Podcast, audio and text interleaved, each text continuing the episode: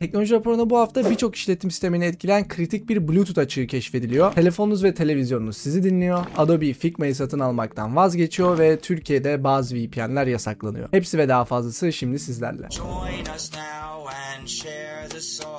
Bu hafta sadece bir tane özgür yazılım haberimiz var. Firefox Nightly eklenti dosyasından kuruluma izin verecek. Bu da eklenti mağazasında yer almayan gayri resmi eklentileri telefonunuzda kullanabileceksiniz anlamına geliyor. Google'un asistan ekibini büyük oranda küçülttüğünü geçmişte konuşmuştuk. Görünüşe göre Pixel 9 telefonları için Pixie adında bir yapay zeka asistanı üzerinde çalışıyor Google. Tabi daha Pixel 9 telefonların çıkmasına çok var. Sadece şu an Pixel 9 telefonlarda çıkacakmış gibi bir söylentinin çıkması da ilginç bir durum. Normalde biliyorsunuz Google Asistan bütün telefonlarda var ama daha henüz erken bir söylenti. Bakalım ilerleyen zamanlarda ne olacağını görürüz. Microsoft Phi 2 adında küçük bir yapay zeka modeli yayınladı ve bu model sadece 2 ile 3 GB arası RAM istiyor. Bu da demek oluyor ki birçok telefonda ve dizüstü bilgisayarda daha rahat bir şekilde çalışabilecek. Bu model 2.7 milyar parametre ile eğitilmiş ama işin ilginç yanı Lama 2 7B modelini geçiyor ve Mistral 7B modeline geçiyor. Mistral 7B modelini geçmesi daha da ilginç çünkü benim şu an sistemimde kullandığım Mistral 7B modeli şu ana kadar kullandığım en iyi yapay zeka modeliydi. Hatta bu konu hakkında video çekmiştik. Yukarıya koyarım izlemediyseniz. Bunu böylesine küçük bir modelini yapabilmesi şahane bir şey. Düşünün şu an telefonda dahi kullanabilirsiniz. Çünkü çoğu telefonda artık 8 GB civarı RAM var. Kendi bu modelini test etmedim ama yakın zamanda test edeceğim. Geliştirilen bir yapay zeka beyin dalgalarını okuyarak düşünceleri kelimelere çevirebiliyor. Bildiğiniz beyninizi okuyor yani. Şu anlık testlere göre %40 oranında isabetli. Bu gelişmeyle birlikte bazı bilim kurgu filmlerinin nasıl gerçekleşebileceği kafamızda canlanıyor. Yani %40 gibi bir oran çok yüksek bir oran değil ama yani şu an böyleyse ilerleyen zamanlarda daha da fazla gelişebilir. Ya da bu bir varsayım da olabilir ama bence daha fazla gelişme olasılığı yüksek. %40 değil de %70-80'e çıktığında kafanıza elektro koyacaklar ve ne düşündüğünüzü aşağı yukarı anlayabilecekler. İlginç bir gelişme. Reddit CEO'su subreddit'lerde moderasyon için yapay zeka kullanmayı planlıyor. YouTube'da bu durumun genel olarak güzel çalışmadığını biliyorsunuz. Yapay zekanın bu tarz şeyleri modere etmesi için bence erken. Subreddit düşünün çok kalabalık diyelim bir sürü gönderi geliyor ve senin gönderin haksız yere yasaklandı, kullanıcın silindi falan filan. Bunu bir yapay zeka yaptığından bir yere de şikayet edemiyorsun. Aynı şeyler mesela YouTube'da da oluyor fark edeceksiniz. Videonuz diyelim strike alıyor işte YouTube'un koyduğu kurallara uymadın diye. E tamam diyorsun ki abi nerede göster ona göre ben düzelteyim diyorsun. Bana tam ihlal ettiğim yeri göster diyorsun ya da sen yanlış belirledin bu aslında kurallara uyuyor diyorsun ama yani gerçek bir insan bakmıyor ona sonuç olarak ve Google'un da eli dolu olduğundan kimsenin umurunda olmuyor. Eğer ki çok yüksek bir kanalın yoksa belki çok yüksek aboneli kanalın varsa bir noktada Google çalışanlarına ulaşabilirsin ya da ancak işte Twitter gibi ortamlarda ses çıkartacaksın. Reddit'te de bunun olması hoş olmaz bence. Bakalım böyle bir sisteme geçerlerse gelişmeleri size yine aktarıyor olacağım. Microsoft Copilot artık müzik üretebilecek. Bunu direkt Microsoft Edge ile copilot.microsoft.com sitesini ziyaret ederek yapabiliyorsunuz. Tabi bu üretilen müzikleri YouTube'da kullanabiliyor musunuz ya da herhangi bir şekilde strike gelirse bunu nasıl çözümlersiniz orasını bilmiyorum. Kullanırken şimdilik birazcık dikkat etmek gerekli. Bugüne kadar kullanıcı bilgisayarlarında yapay zeka kullanabilmek için Llama CPP adında bir projeden yararlanıyorduk. Bu proje olmadan az VRAM'li bilgisayarlarda yapay zeka kullanmak hayaldi. Şimdi yeni çıkan Power Infra adında açık kaynak başka bir proje Llama CPP'den 11 kat daha hızlı olduğunu iddia ediyor. Yalnız işin sıkıntılı yanı şu an her modelde çalışmıyor. Falcon'un bazı modellerinde ve Llama 2 dil ailesindeki modellerle çalışıyor. Ama yine buna rağmen 11 kat daha hızlı olmasından bahsediyoruz. Güzel bir gelişme. Tabi ilerleyen zamanlarda daha fazla model alabildiği zaman çok daha iyi olacak.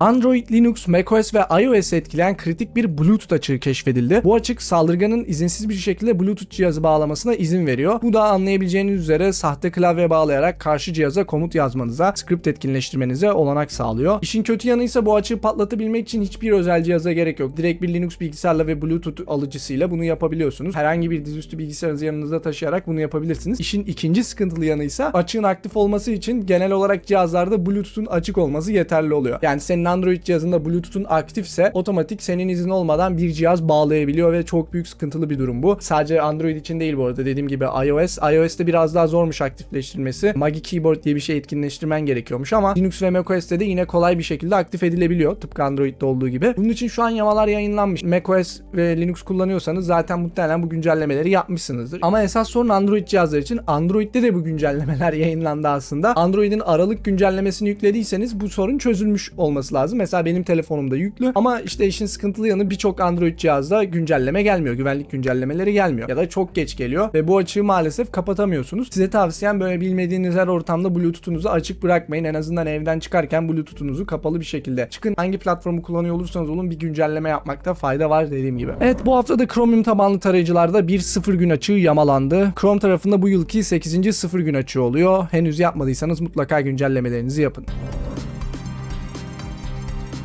CMG adlı bir pazarlama şirketi kullanıcıları telefonlarından ve akıllı televizyonlarından dinleyerek hedeflenmiş reklam yapabildiğini iddia ediyor. Bugüne kadar birçoğumuz telefonlarımızın bizi dinleyip reklam gösterdiğini düşünürdük ama aslında bu izleme algoritmalarının ve çerezlerin çok akıllı bir şekilde çalışmasından dolayıydı. Görünüşe göre hepimizin korktuğu bu durum gerçek oluyor. Yani bu CMG Cox Media Group dediğimiz şey bir pazarlama şirketi. Kendi networkleri falan ver herhalde. Reklam verenleri kendi sistemlerine alıyorlar. Tıklanabilir insanların satın alabileceği şeylere çeviriyorlar. Kendi sitelerinde iddia ettiklerine göre direkt siz konuşuyorsunuz. Mesela diyorsun ki arabamı tamir ettirmem lazım. Akıllı televizyonun ya da telefondan dinliyorlar. Sana hemen o tarz reklamları gösterebiliyorlar. İddia ettikleri şey bu. Yalnız işin sıkıntı bu yasal mı? Kendi web sitelerinde yasal demişler. Çünkü kullanıcılar sözleşme kabul ediyor. Dolayısıyla yasal falan demişler ama yani ne kadar doğrudur ya da bu iddiaları ne kadar doğru onu da bilmiyoruz. Çünkü bugüne kadar hani telefonların dinleyip de bize reklam gösterdiğine dair bir sonuç bulamadık. Yani birçok insan bu konunun peşine gitti. Böyle bir sonuç bulamadık. Bunlar nasıl yapıyor? Tahminim bir şekilde akıllı televizyon alıyorsanız bu akıllı televizyonlara mikrofonla dikkat etmek gerekli. Zaten içerisi full özel mülkiyet yazılım bir şey bilemiyorsunuz da. Ben akıllı televizyon alacak olsam mikrofonsuz alırdım mesela. Ya da bir şekilde mikrofonu engelleyebildiğim bir şey alırdım. İkinci noktada Android ve iOS cihazlarınıza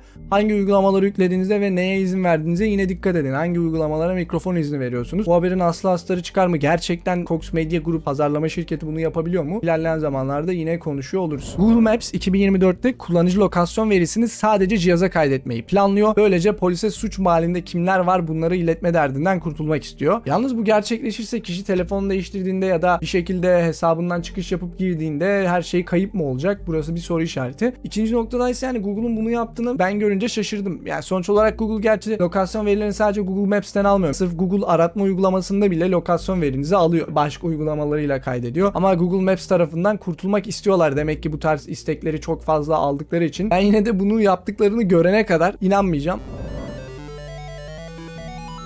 Steam'de yıl içerisinde hangi oyunları oynadığınızı gösteren bir sayfa yayınlandı. 2023 yılınızın oyun anlamında nasıl geçtiğini merak ediyorsanız kontrol edebilirsiniz. Residia adlı bir fidye grubu Spider-Man oyununu geliştiren Insomniac Games'e para ödemezlerse 1.3 milyon dosya içeren verileri sızdıracağını söyledi ve bu durum gerçekleşti. 1.6 terabaytlık bir veri yayınlamışlar. İçerisinde 1.3 milyon dosya var ve şirketin birçok detayı ortaya çıkmış. 10 yıl sonrasına bile planladıkları bir sürü oyun ortaya çıkmış. Mesela Wolverine oyunu falan gelecekmiş. Yani içerisinde başka bir sürü şey varmış da ben bakmadım. Şirket detayları, çalışan bilgileri falan da sızdırılmış. Geçmiş olsun diyelim Insomniac Games'e. Steam artık oyunlarınızı gizlemenize izin verecek. Hali hazırda var olan oyunları sağ tık yaparak gizleyebileceksiniz ve oyunu satın alırken gizli olarak satın almanıza izin verecek. Ailenizin ve arkadaşlarınızın görmesini istemediğiniz oyunlarınız varsa güzel bir haber. Steam kış indirimleri başladı. Henüz göz atmadıysanız bakabilirsiniz. Ocağın 4'üne kadar da sürecek. Damn, son, where'd you find this? Proton VPN, Surfshark VPN, Hotspot Shield dahil olmak üzere birçok VPN Türkiye'de BTK tarafından erişime engellendi. Bazı bilindik VPN'ler listede dahil olsa da muhtemelen listenin en kötüsü Proton VPN'in engellenmesi oldu. Çünkü Proton VPN ücretsiz VPN'ler arasında muhtemelen en iyisiydi. Yani en güvenilir, en arkası sağlam VPN'lerden birisiydi. Bilmiyorum belki başka da vardır ama listede birçok VPN engellenmiş gözüküyor. Geçmiş olsun diyelim. Threads'in Activity Pub Federasyonu görünüşe göre kolay bir şekilde gelmeyecek. Entegrasyonun tamamlanması önümüzdeki yılın büyük çoğunluğunu alacakmış. Aynı zamanda kullanıcılara federasyonda paylaşım yapmama şansını da verecekler. Ama varsayım olarak herkesin yazdığı gönderiler federe olacak. Evernote kullanan var mı bilmiyorum ama ücretsiz versiyonu kullanıyorsanız artık 50 sayfadan fazla not oluşturmanıza izin vermeyecek. İlginç bir karar. Yani daha önceden bunu yapan hiçbir not uygulaması bilmiyorum. Da, duymadım da. Limitli sayfada not alabilirsin diye ilk defa bunu duyuyorum. Benim tahminime göre Evernote artık istediği kadar para kazanamıyor. Yeni kullanıcı falan da gelmiyor. Çünkü birçok not uygulaması çıktı rakip olarak. İşte Notion çıktı ne bileyim Obsidian, Logseq. Herhalde rekabete yetişemediler ve hala hazırdaki müşterilerimiz madem 50 sayfa sayfadan fazla notları var. Daha fazla not açmak istiyorsan bize para öde şeklinde mi düşündüler bilmiyorum ama benim aklıma başka bir açıklama gelmedi. Adobe aylardır Figma'yı 20 milyar dolara satın almaya çalışıyordu ama uluslararası düzenleyiciler tarafından engelleniyordu. Adobe artık Figma'yı alma davasından vazgeçti. Ben de Figma'yı kullanıyorum ve Adobe'nin satın almasını istemiyordum açıkçası. Kesinlikle düzenleyicilerin düşündüğü gibi rekabeti engelleyeceğini ben de düşünüyordum. Sevindim iyi oldu yani böyle bütün büyük firmalar her küçük firmayı alırsa işimiz yaş. Yeni bir Windows 11 güncellemesi üniversite kampüslerindeki Wi-Fi bağlantılarını bozdu. Şu anlık en hızlı çözüm şifreleme metodunu EAP TLS'den PEAP moduna geçirmek. Bizim üniversitelerde olan arkadaşlar bu durumu yaşadı mı merak ediyorum. Yani sadece yurt dışındaki üniversitelere özel bir şey mi diye merak ediyorum. Gerçi Türkiye'de hangi üniversiteler Windows 11'i kullanıyor da bu güncellemeyi yapıyor bilmiyorum. Bunu yaşayan varsa yoruma yazabilir. Apple patent anlaşmazlığını kaybettiği için yeni seri Apple saatlerinin satışını durdurdu. Patent muhabbeti ise nabız ölçer kısmından geliyor. Apple Massimo adlı bir şirketin patentini ihlal etmiş ve şimdilik yeni Apple saatlerinin satışları durduruldu. Windows'ta HP yazıcınız olmasa da yanlışlıkla HP olarak yeniden isimlendirildiğini geçen hafta konuşmuştuk. Microsoft bunun için bir çözüm aracı yayınladı. Siz de bu sorundan muzdaripseniz kullanabilirsiniz. Her zaman olduğu gibi haberler ve yorumlarım hakkındaki düşüncelerinizi aşağıda bekliyor olacağım. Podcast dinlemeyi seviyorsanız Teknoloji Raporu podcast olarak da var. Sevdiğiniz podcast uygulamalarında Teknoloji Raporu diye aratarak veya açıklamalar kısmındaki bağlantıya tıklayarak Teknoloji Raporu'nu podcast olarak da takip edebilirsiniz. Böylece yeni bölümleri kaçırmamış olursunuz. Teknoloji Raporu'nun bu bölümü hoşunuza gittiyse videoyu beğenip arkadaşlarınıza paylaşmayı unutmayın. Özellikle teknolojiyle ilgilenen arkadaşlarınız varsa videoyu ve kanalı paylaşırsanız çok sevinirim. Yeni gelen içeriklerden de haberdar olmak için kanala abone olup çana basabilirsiniz. Ve videoyu bitirmeden yanda gördüğünüz katıl üyelerime de destekler için teşekkür etmek istiyorum. Prototürk, Karakurt, Suat, Sinan Sarıkaya, Ersin Koray Gonca, Kutay, Egemen Doğrul, Halil Mert Ceylan, Bilal Tergürs, Emre, Generic Pointer Device, Kadir Esen, Emre Ünal ve yanda gördüğünüz diğer bütün isimlere destekler için teşekkürler. Siz de yaptığım iş seviyorsanız ve kanalıma destekte bulunmak istiyorsanız yusufbek.me yan çizgi destek adresine gidebilirsiniz. Teknoloji raporunun bir sonraki bölümünde görüşmek üzere. Kendinize iyi bakın. Hoşçakalın.